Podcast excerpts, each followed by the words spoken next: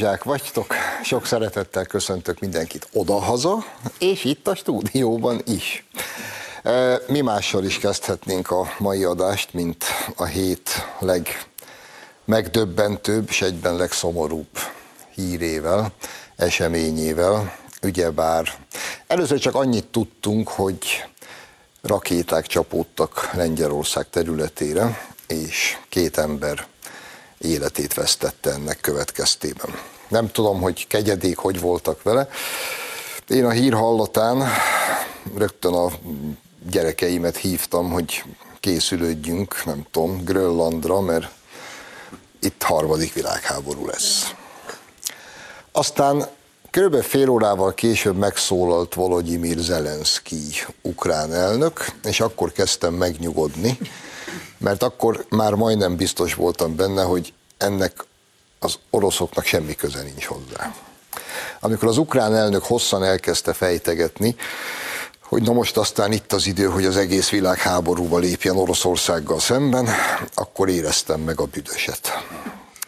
És láss csodát, nekünk lett igazunk, azoknak lett igaza, akik higgadságot és önmérsékletet kértek mindenkitől, mert viszonylag rövid időn belül, néhány óra múlva már maga Joe Biden, aki azért nem a fantasztikus reflexeiről és a lenyűgöző értelmi képességeiről híres, de maga Joe Biden, amerikai elnök kiállt a nyilvánosság elé és közölte, hogy nyugi, nyugi, nyugi, ezek nem orosz rakéták voltak.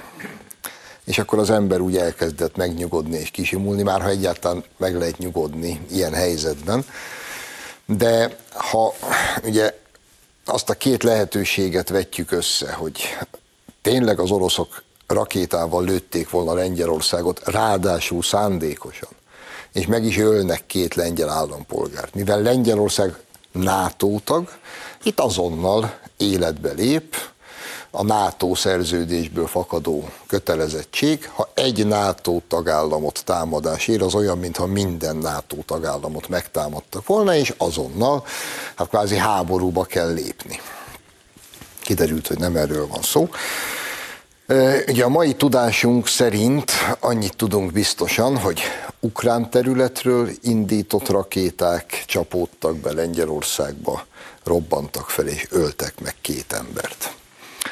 Ezt egyetlen ember tagadja ma a világon, őt úgy hívják, hogy Volodymyr Zelenszky.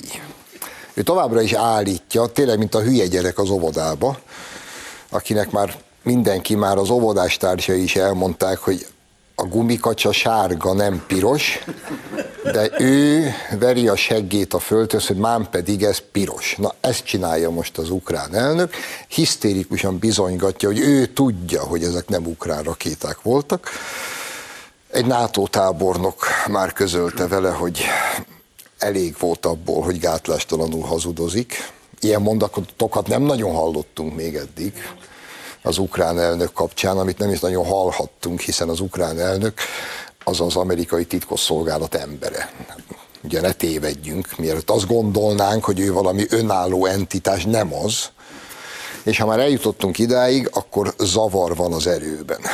És minden esetre szögezzük le, hogy ezt most megúsztuk, de ez nem jelenti azt, hogy nem következhet be bármikor valami ehhez hasonló. És két dolgot tegyünk mindig egymás mellé. Mi Oroszország érdeke ebben a háborúban? Oroszország érdeke az, hogy Ukrajna egyedül maradjon. Ne kapjon több támogatást, sem pénzben, sem fegyverben, sem hadianyagban, sem kiképzésben, semmiben. Maradjon egyedül. Mi Ukrajna érdeke, amit Zelenszky milliószor el is mondott már, eszkalálja a háborút, és lehetőség szerint minél több országot vonzom be ebbe a konfliktusba, értelemszerűen Ukrajna oldalán. Ha két érdeket nézzük, akkor mindig gondoljuk végig józan és higgadt fejjel. Az oroszok a saját érdeküket nyilván nem fogják úgy megpróbálni érvényesíteni, hogy megtámadnak random X országokat, főleg nem NATO tagállamokat. Míg az ukránok a saját érdeküket ha elég sötétek az ukrán vezetés, és elég gátlástalan gazember hozzá, akkor akár ilyen eszközökkel is megpróbálhatja érvényre juttatni. Úgyhogy bármi történik, mindig ezt tartsuk szem előtt. És akkor egy kicsit, már majdnem azt mondtam, hogy vidámabb téma, de hát ez megint nézőpont kérdése. Tudják, tudjátok, amikor itt vagyunk, szinte minden alkalommal előkerül valami ilyesmi, és akkor sose tudjuk eldönteni, hogy zokogjunk vagy nevessünk. Mindenesetre a témánk felvezetéseképpen javaslom, hogy egy rövid bejátszó erejéig vessünk egy pillantást a Magyar Operett Színház 1963-as Csárdás királynő előadására. Figyeljetek csak!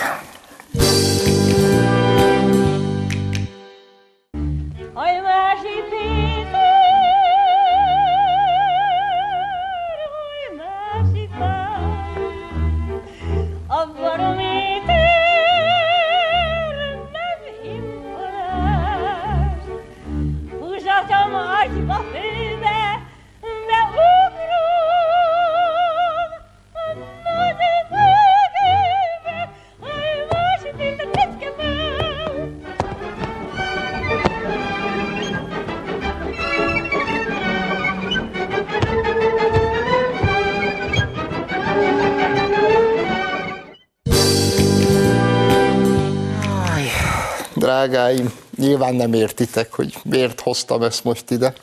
Előtte egy kicsit hagy filozofálgassak még itt az operett kapcsán. Ugye az operett, először is szögezzük le, ez a klasszikus monarchia műfaja. Ahogy musicalt jó, hogyha az amcsik csinálnak, meg ők tudják, meg ők értenek hozzá, az operetta miénk. És ilyen értelmiségi magas lóról mindig illik az operettet lecikizni, hogy hát, hát Isten, mi alantas szórakozás. Én ahogy idősödöm, annál jobban barátkozom meg vele, és nem csak önmagában a műfajjal, hanem az egész mögött lévő filozófiával. Mert mi ilyenek vagyunk. Szóval itt van ez a monarchia, már recseg, ropog, már dől össze, már az egész régi világ tűnik el és omlik a nyakunkba, de mi még beugrunk a nagybőgőbe. Még Bóni gróf, még ott van, még dalolunk, még minden rendben, lesz még szőlő, lesz még lágy kenyér. Ez valamiféleképpen ez a, ez a néplélekből jön. És szerintem az osztrákok is ilyenek egy kicsit, meg mi is ilyenek. Voltunk vagy vagyunk. Nézzétek, ugyanebben a monarchiában a cseheknél egy Franz Kafka, egy prágai biztosítási ügynök zsidó írja meg az életművét, és ő nem beugrik a nagybőgőbe, hát ő, ő megírja a pert, meg megírja minden idők legmegdöbbentőbb novelláját, az átváltozást.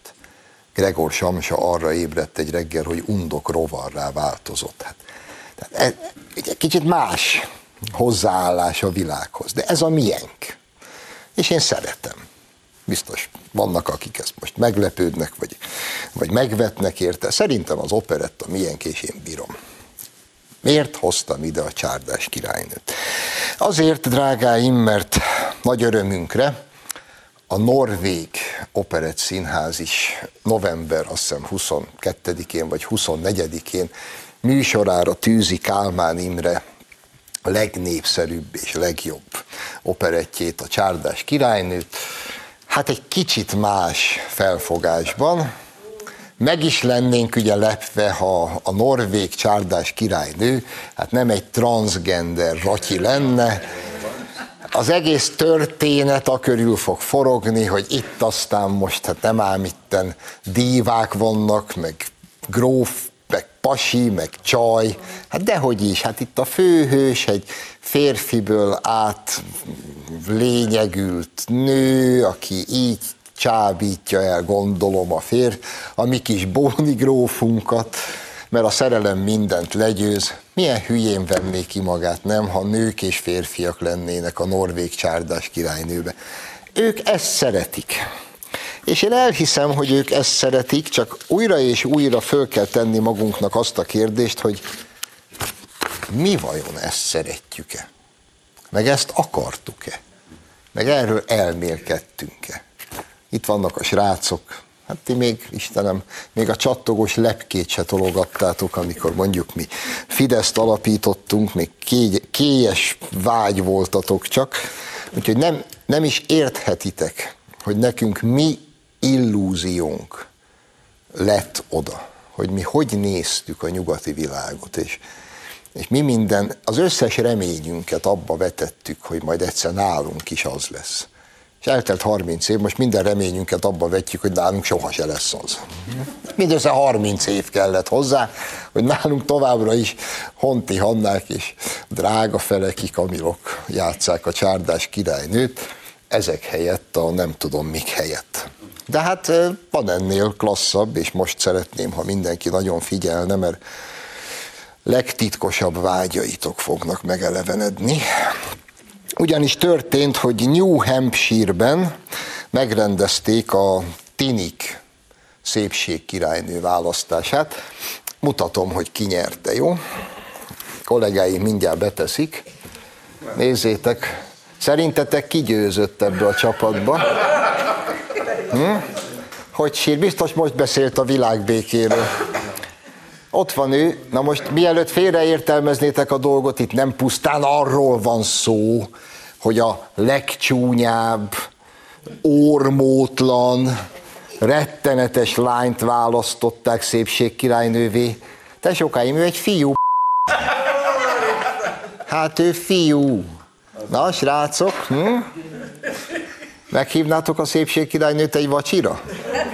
Vacsira reggelivel. Hm? Ő. És, és tényleg megint ülsz, és nem hiszed el. Nem, egyszerűen nem hiszed el. És tényleg a ilyen réges-régi film élményeim tolulnak felben. Ott, na, és ez is ott van az a kis hölgykoszorú, tini csajok, egyik jobban néz ki, mint a másik, és ez a sertés középen meg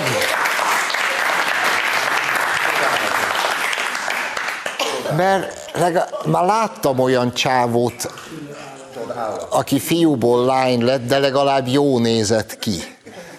Sőt, állítólag tájföld tele van ilyenekkel, vidám, gyanútlan német turisták viszik el a fiatal tájlányokat, és este az ágyba derül ki, hogy van egy térdigérő csak, csak senki se látja rajtuk előre. De hát, hogy néz ez ki, Istenem? Mindenkinek javaslom, kapja elő a Nagy Lebowski című filmet, az egy örök klasszikus. Abban van egy a főhős Töki, Lebowski, és a csaja egyszer, aki egy ilyen kretén, korunk hőse elviszi egy előadásra, balettest van, ahol egy pont ilyen csávó, csak az még nem akar nő lenni, ő felvállaltam pasi, de nagyjából így néz ki, csak öregebb, és ilyen habos tütűbe kijön, és elkezd balettozni és ott sose fogom elfelejteni azt a jelenet sort, hogy a töki ülés ezt nézi. Azt az arc kifejezést. Na de hát a Levovszki nem is tudom, legalább 20 éves film, ha nem több. És most ebbe élünk, drágáim. Ebbe élünk. És szerintem, hogyha a mi kis barátunk New Hampshire-ből, aki egyébként olyan megható dolgokat mondott, hogy tényleg épp azt nem mondta, hogy a világ békét szeretné, de ezen kívül mindent, el vagyok ragadtatva, hogy én lehetek az első transznemű nő, aki helyi Miss Amerika cím birtokosa, és remélem, hogy mindenkit büszkévé tudok tenni. Izgatottan várom a szolgálati évemet, és hogy áprilisban versenyezhessek a Miss New Hampshire címért, hogy mindannyian büszkék lehessetek rám. Hát én már most büszke vagyok rád, baba. Én már most olyan büszke vagyok rád, hogy mindjárt be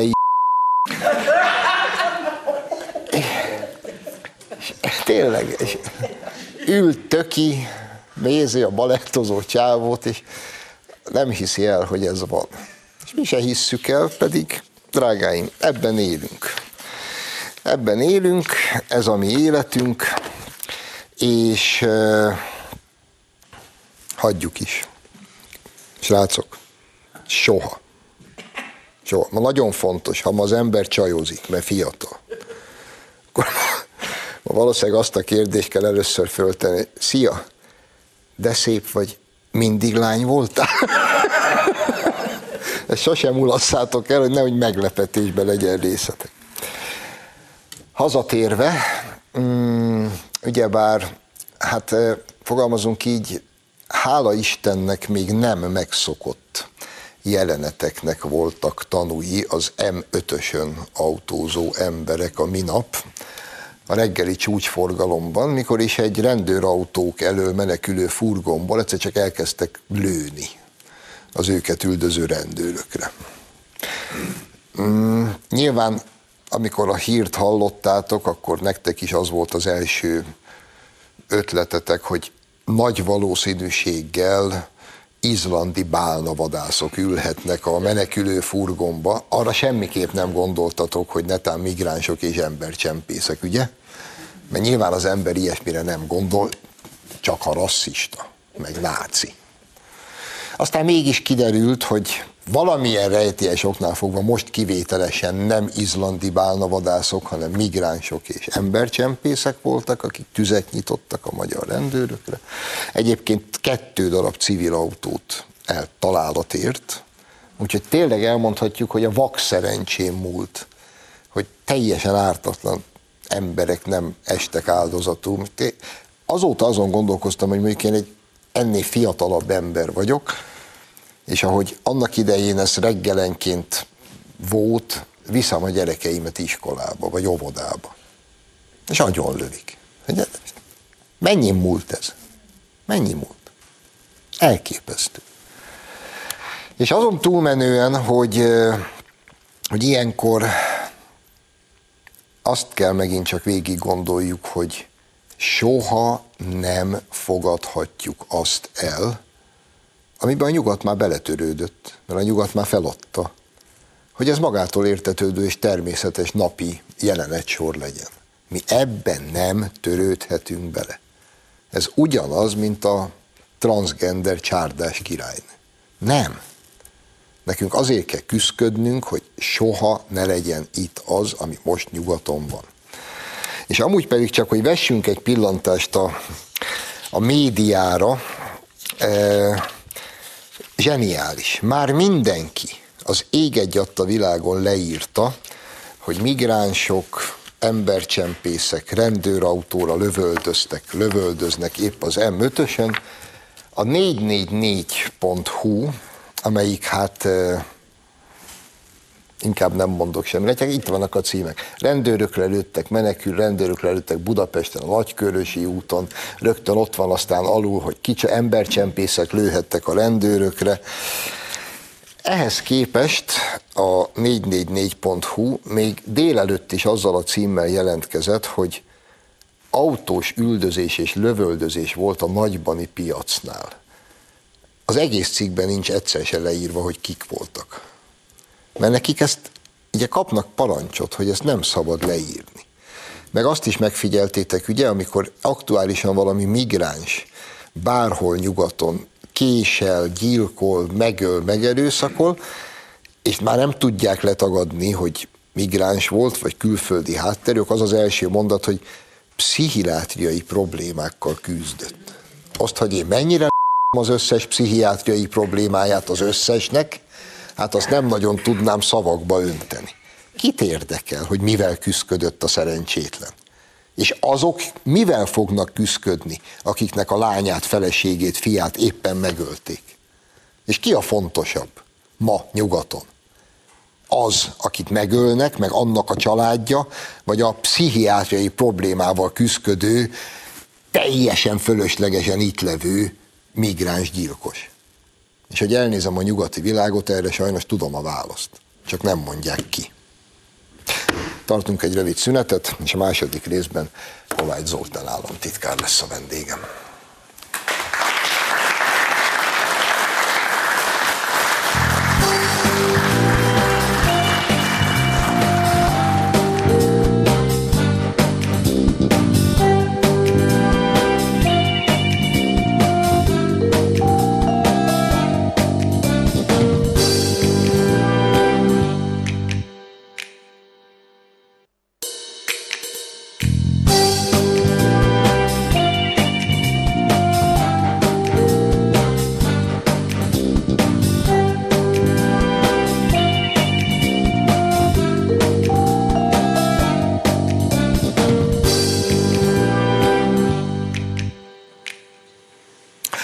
Folytatjuk az adást, vendégem tehát a stúdióban Kovács Zoltán.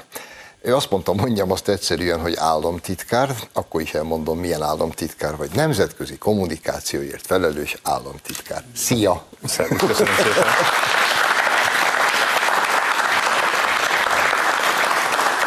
E, és nagyjából ennyi volt a mai adásba nevetni való, meg a vidámság.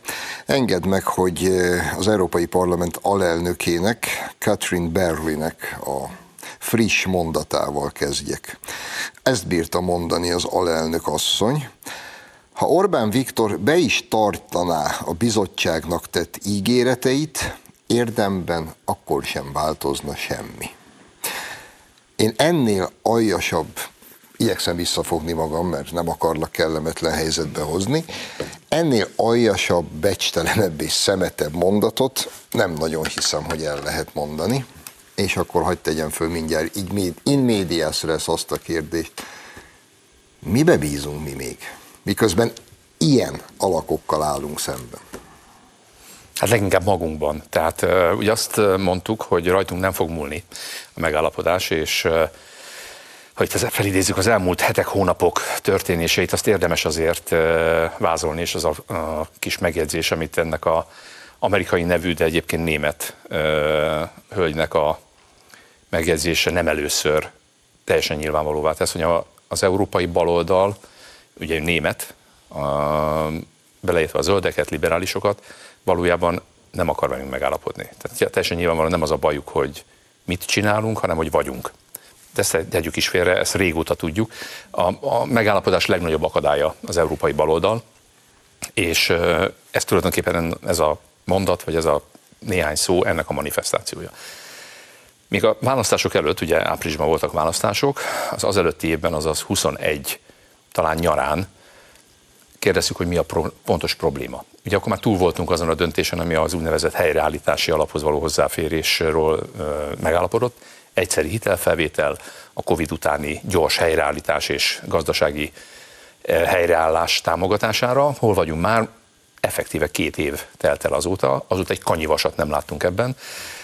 Majd egy több mint fél évig nem mondtak konkrétumokat. Majd április 4-én, tehát a választások másnapján bejelentették a kondicionalitási eljárást, és június közepéig megint nem mondtak konkrétumokat.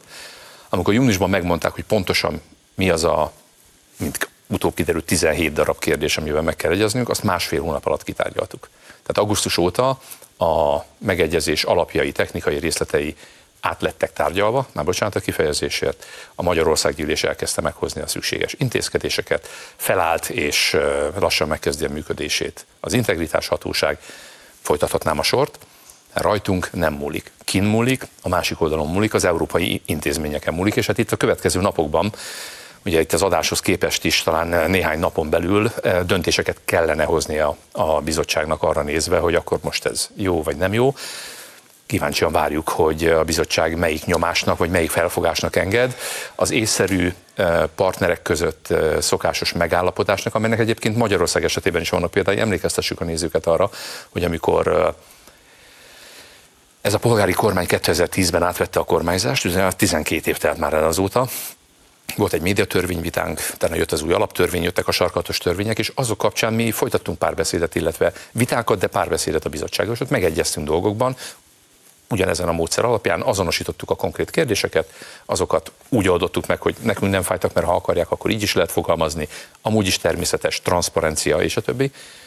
És utána kaptunk róla egy papírt, és elismerték, hogy lezárultak ezek a viták, léphetünk tovább. Érdeklődéssel várjuk, hogy ez a döntés meg tud születni ebben a bizottságban, amely egyébként a Juncker bizottság után újra azt a politikai szerepet vette fel, amit soha senki nem szánt neki. Jó, akkor én azt mondod, kíváncsian várjátok. Van itt még egy hír, ami szerintem ezt a kérdést el is döntötte. Ugyanis a bizottság bejelentette, hogy november 22-én nem fogja tárgyalni a magyar e, dolgot, magyar ügyet, lévén, hogy hát e, a prioritást élvező dolgokkal foglalkozik helyette, ez pedig Ukrajna és az Ukrajnának szánt 18 milliárdos, 18 milliárd eurós Európai Uniós hitel. Ebből pedig, én ugye laikus vagyok, de az én számomra egyértelműen következik, hogy direkt elmulasztják azt az utolsó határidőt, amikor meg lehetne állapodni, ami azt jelenti, hogy eleve el fogunk esni egy csomó pénztől, és hogyha ide veszem Katarina Bárlit is, akkor meg ők már eldöntötték, hogy nem adnak semmit. Hát ez az úgyis mindegy attitűd, ugye, ami abban a mondatban szerepel. A legérdekesebb az, hogy 18-a volt az első ilyen határidő, vagy 19-e, tehát most effektíve ez a hétvége, illetve a jövő hét eleje.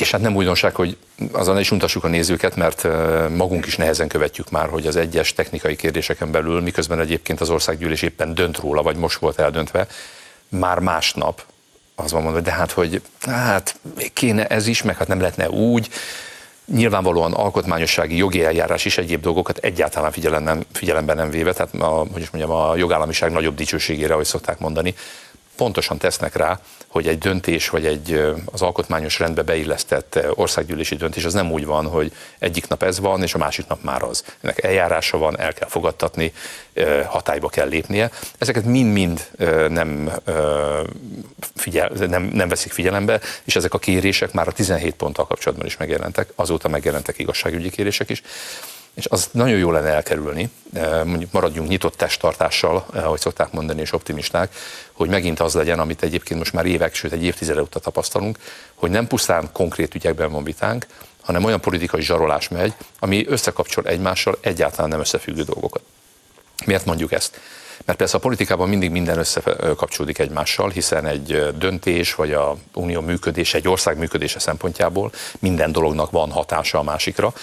De ha értelmes párbeszédet akarunk folytatni egymással, a Magyarországnak járó, és szögezzük le, nem ajándék, nem könyörgünk érte, jár nekünk, ezeknek a forrásoknak az elérésért és lehívásáért, amit nyilvánvalóan akadályoznak az európai intézmények, akkor nem lehet párbeszédet folytatni úgy, hogy minden mindennel összefügg. És amikor már ott vagyunk a küszöbén az aláírásnak, akkor hirtelen jön a 18 milliárdos hitel, erről önmagában érdekes, érdemes beszélni, vagy éppen a globális minimumadó kérdése, az együttdöntés, azaz a vétó intézményének a megszűnése, mind-mind olyan dolgok, amelyeknek a megnyitása, önmagában a megnyitása alapvetően a trítivel, tehát a szerződéssel való e, intenzív foglalkozást eredményezne. A 18 milliárddal kapcsolatban meg gyorsan mondjuk el, az egy hitel. És e, mi most abban a ebben a pillanatban pont úgy állunk, hogy a, 10, a 20 végén eldöntött hitelfelvétel kapcsán egy kanyi vasat egy eurócentet nem láttunk, akkor az a mondás volt, hogy ilyen hit, közös hitelfelvétel egyszeri alkalom, a Covid miatti egyszeri alkalom, íme, itt állunk egy következő alkalom esetében, és egy még egy nagyon fontos dolgot jelent. Miközben mi nem kapjuk meg a pénzünket, ami nekünk jár. Az a gyanú, hogy ez a pénz egyébként hova megy, az hogy is sem atomfizikusnak, sem agysebésznek nem kell lenni, hogy az ember összefüggéseket fedezzen fel, de ennél még nagyobb is a baj, hiszen megint hitelről beszélünk. Ez a pénz nincs az Európai Unió hitelből akar megsegíteni egy olyan országot, feltételek nélkül egyébként, amiről pontosan tudjuk, hogy gazdálkodási, működési szempontból egyetlen olyan feltételnek nem felel meg egyébként, mint mondjuk Magyarország, vagy az európai országoknak meg kell felelni, és azt várják, hogy miközben nekünk nem adnak az első hitelfelvételből egy vasat se, legyünk partnerek abban, amit ők kérnek. Mi eleve megmondtuk egyébként, hogy a hitelfelvétel rossz út. Mi Magyarországon azt az utat választottuk az elmúlt 12 évben, hogy abból gazdálkodunk, amit megtermeltünk. Tehát csak arra veszünk fel hitelt, aminek a fedezete és a visszafizetése az garantált, és hát valljuk meg magunk között ennek a 18 milliárdnak a fedezete és garanciája, hogy valaha visszakapja az Unió, az erősen kétséges. Jó, akkor, eh, és persze majd a véleményedet kérem a végén, csak a kedves nézők kedvéért is, hogy meséljek el egy történetet, hogy eh, kikkel is tárgyalunk mi. Kik ezek az emberek? Ugye Lengyelország az ég egy a világon mindenben megállapodott az Európai Unió vonatkozó döntéshozó szervei, egymás kezébe csaptak, minden rendben, megkapjátok a pénzt.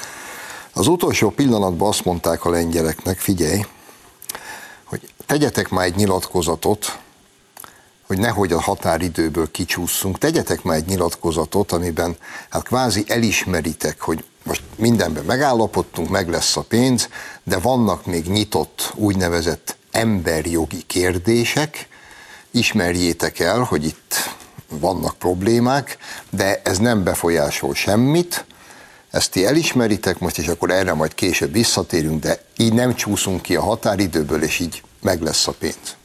A lengyelek megtették ezt a nyilatkozatot, majd másnap kiállt az unió döntéshozó illetékes elvtársa, és a következőt mondta, hát már hogy adnánk pénzt a lengyeleknek, mikor maguk ismerték el, hogy vannak még emberjogi problémák ezekkel, ezekkel tárgyalunk mi. No hát ez az az utca, amiben azt gondolom, hogy nekünk nem, hogy nincs érdekünk, nem is engednénk magunkat bevinni, tehát Magyarország nem fogja magát hagyni, hogy sarokba szorítsák ilyen szempontok mentén.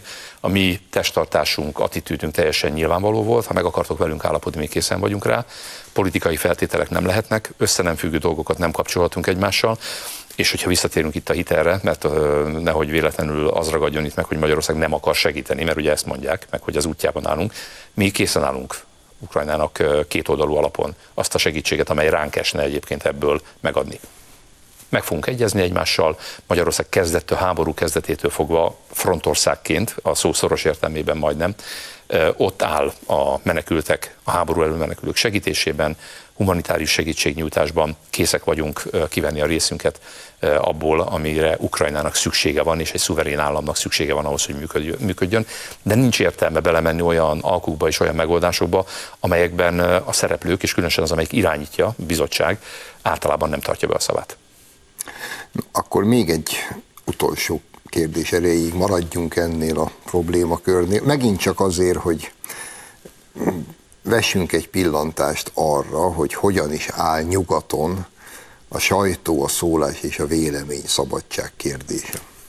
Van ez a Politikó című nagyívű európai újság, rendkívül jól tájékozott, többnyire az Európai Bizottság és minden egyéb felelős európai döntéshozó a politikon keresztül szokta kiszivárogtatni azokat az üzeneteit. Bocsáss meg, hogy belevágok, onnan hamarabb tudjuk meg, hogy mit fognak csinálni, mint uh, mielőtt mondanák a szájukkal. Hát ez az üzenő füzetük, a politikó. Na, ha jól tudom, akkor megkerestétek a politikót, hogy Varga Judit magyar igazságügyminiszter írna egy cikket nekik. Mi lett ennek a kis történetnek a vége?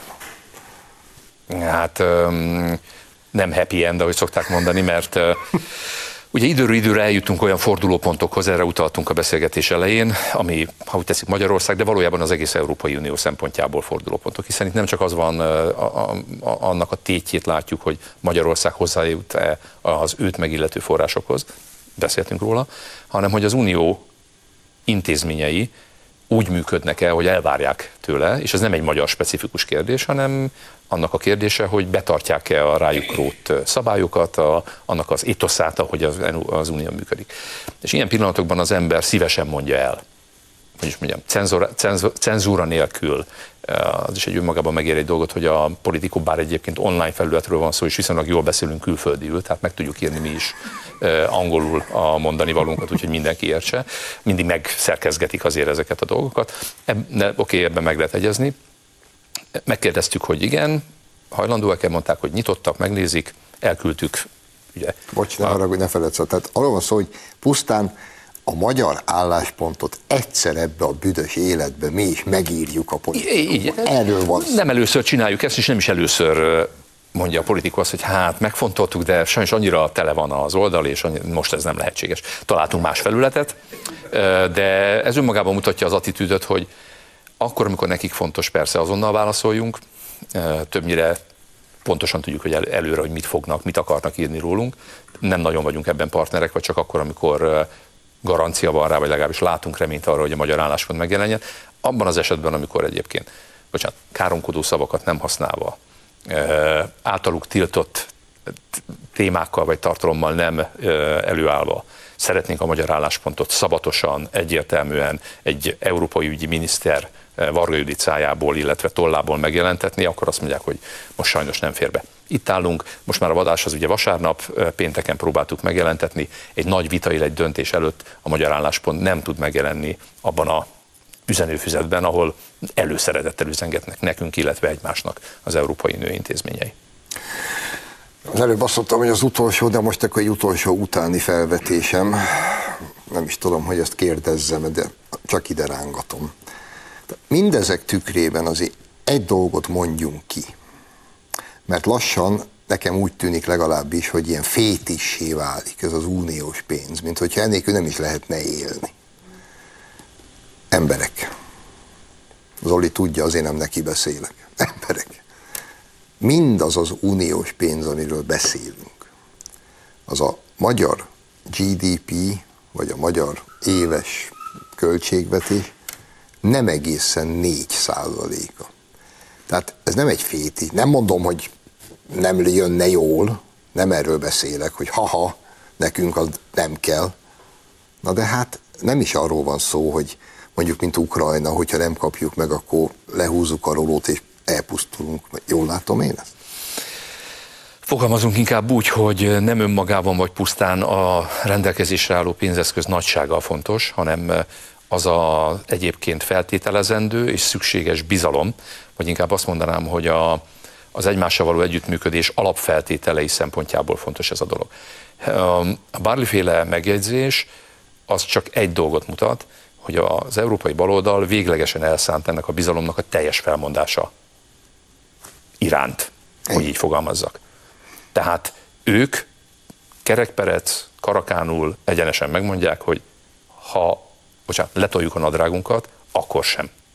És nem úgy ismertek meg minket, aki ezt tenni. Tehát én azt gondolom, hogy a magyar testtartás hozzáállás az nyitott volt, meg tudtunk állapodni, múlt időben mondom, de láthatóan ez van, akinek nem elég.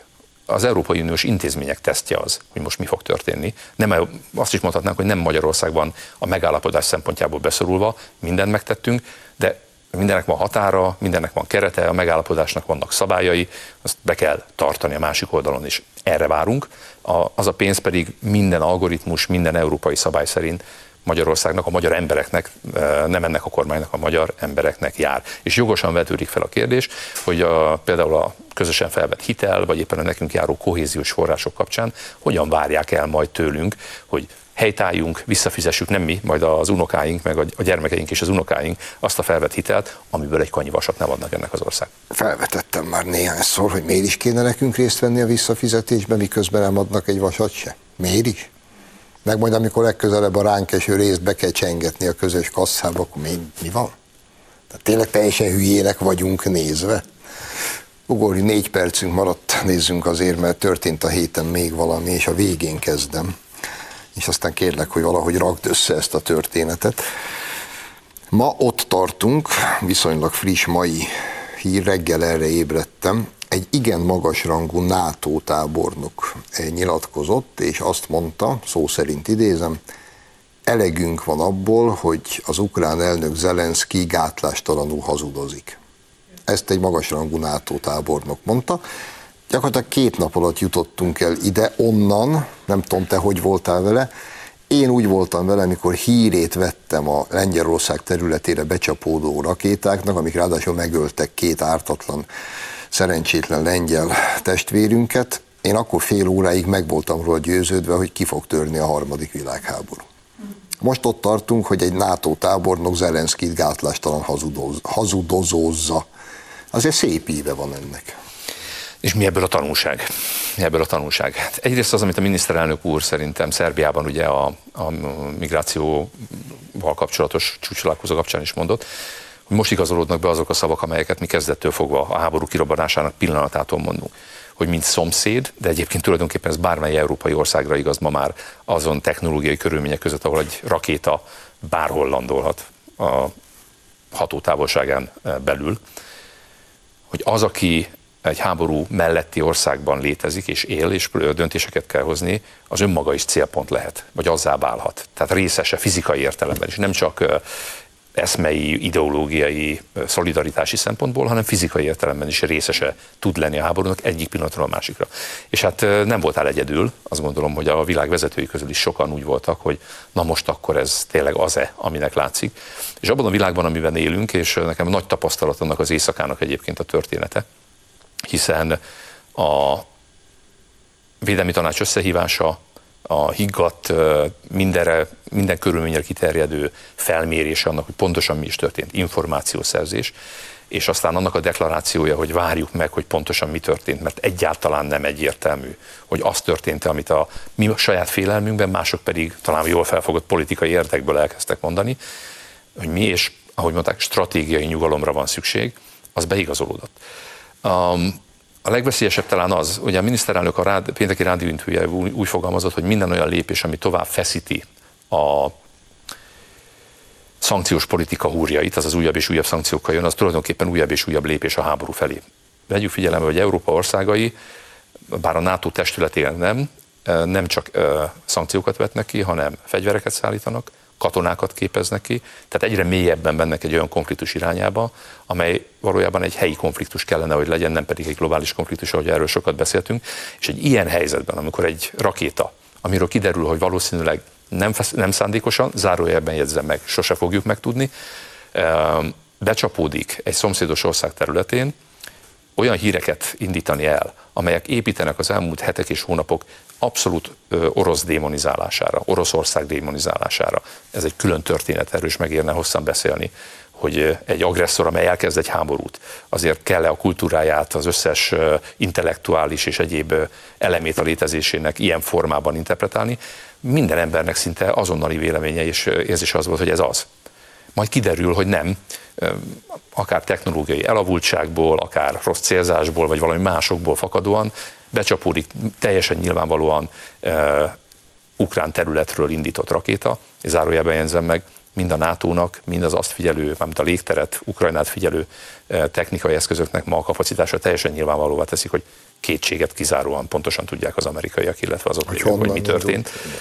És egy ilyen keretek között egy önbecsapással felérő, és mindenképpen a háború irányába és a konfliktus eszkalációja irányába fakadó interpretációval szemben ez szerintem félelmetes. És annak az éjszakának az egyik nagy tanulsága, hogy a minket nem szerető, vagy az el, hogy is mondjam, intellektuális és e, e, ellenségeinknek tekinthető emberek már egy órán belül azt kérdezték, hogy miért nem írjuk le azt, hogy oroszok. Tehát ott a Twitter, ami egy azonnali műfaj, ahol másodpercek alatt lehet hírt, információt, véleményt kijuttatni, az egy fél órán, órán belül attól harsogott, hogy miért nem, miért nem ítéljük el az orosz agressziót, és azt, hogy Oroszország csapás miért. Miközben senki nem tudta. És pont, pontosabban valószínűleg egy-két órán belül mindenki pontosan tudta, hogy mi volt, vissza kellett ellenőrizni. Lengyel lapok szerint meg kellett várni, amíg ugye a Balin, a folyó G20-as találkozón el lehet érni a felelős döntéshozókat. Szóval az egész hajmeresztő, mert olyan spirál tovább erősítését jelenti, ami senkinek nem érdeke, főleg nem a kontinensnek, hiszen Európa issza leginkább a levét egyébként annak a konfliktusnak, ami itt a szomszédunkban zajlik, miközben a világ többi része inkább az előnyeit élvezi, egyre másra kapjuk a híreket, adatokat arról, hogy ez sajnos ebbe az irányba mutat. Szóval észnél kellene lenni, és ilyen szempontból nem állunk jól, mert ez az ideológiailag vezérelt politika, ami Európát irányítja, ez a baloldali politika, az hajmeresztő alapfeltevésekből, politikai döntésekből és következtetésekből áll ebben a pillanatban össze, amiből oltári nagyba is lehet. Köszönöm szépen, hogy itt voltál. Önöknek köszönjük a megtisztelő figyelmet odahaza, és itt is jövő héten a szokott időben találkozunk. Minden jót kívánok, viszontlátásra!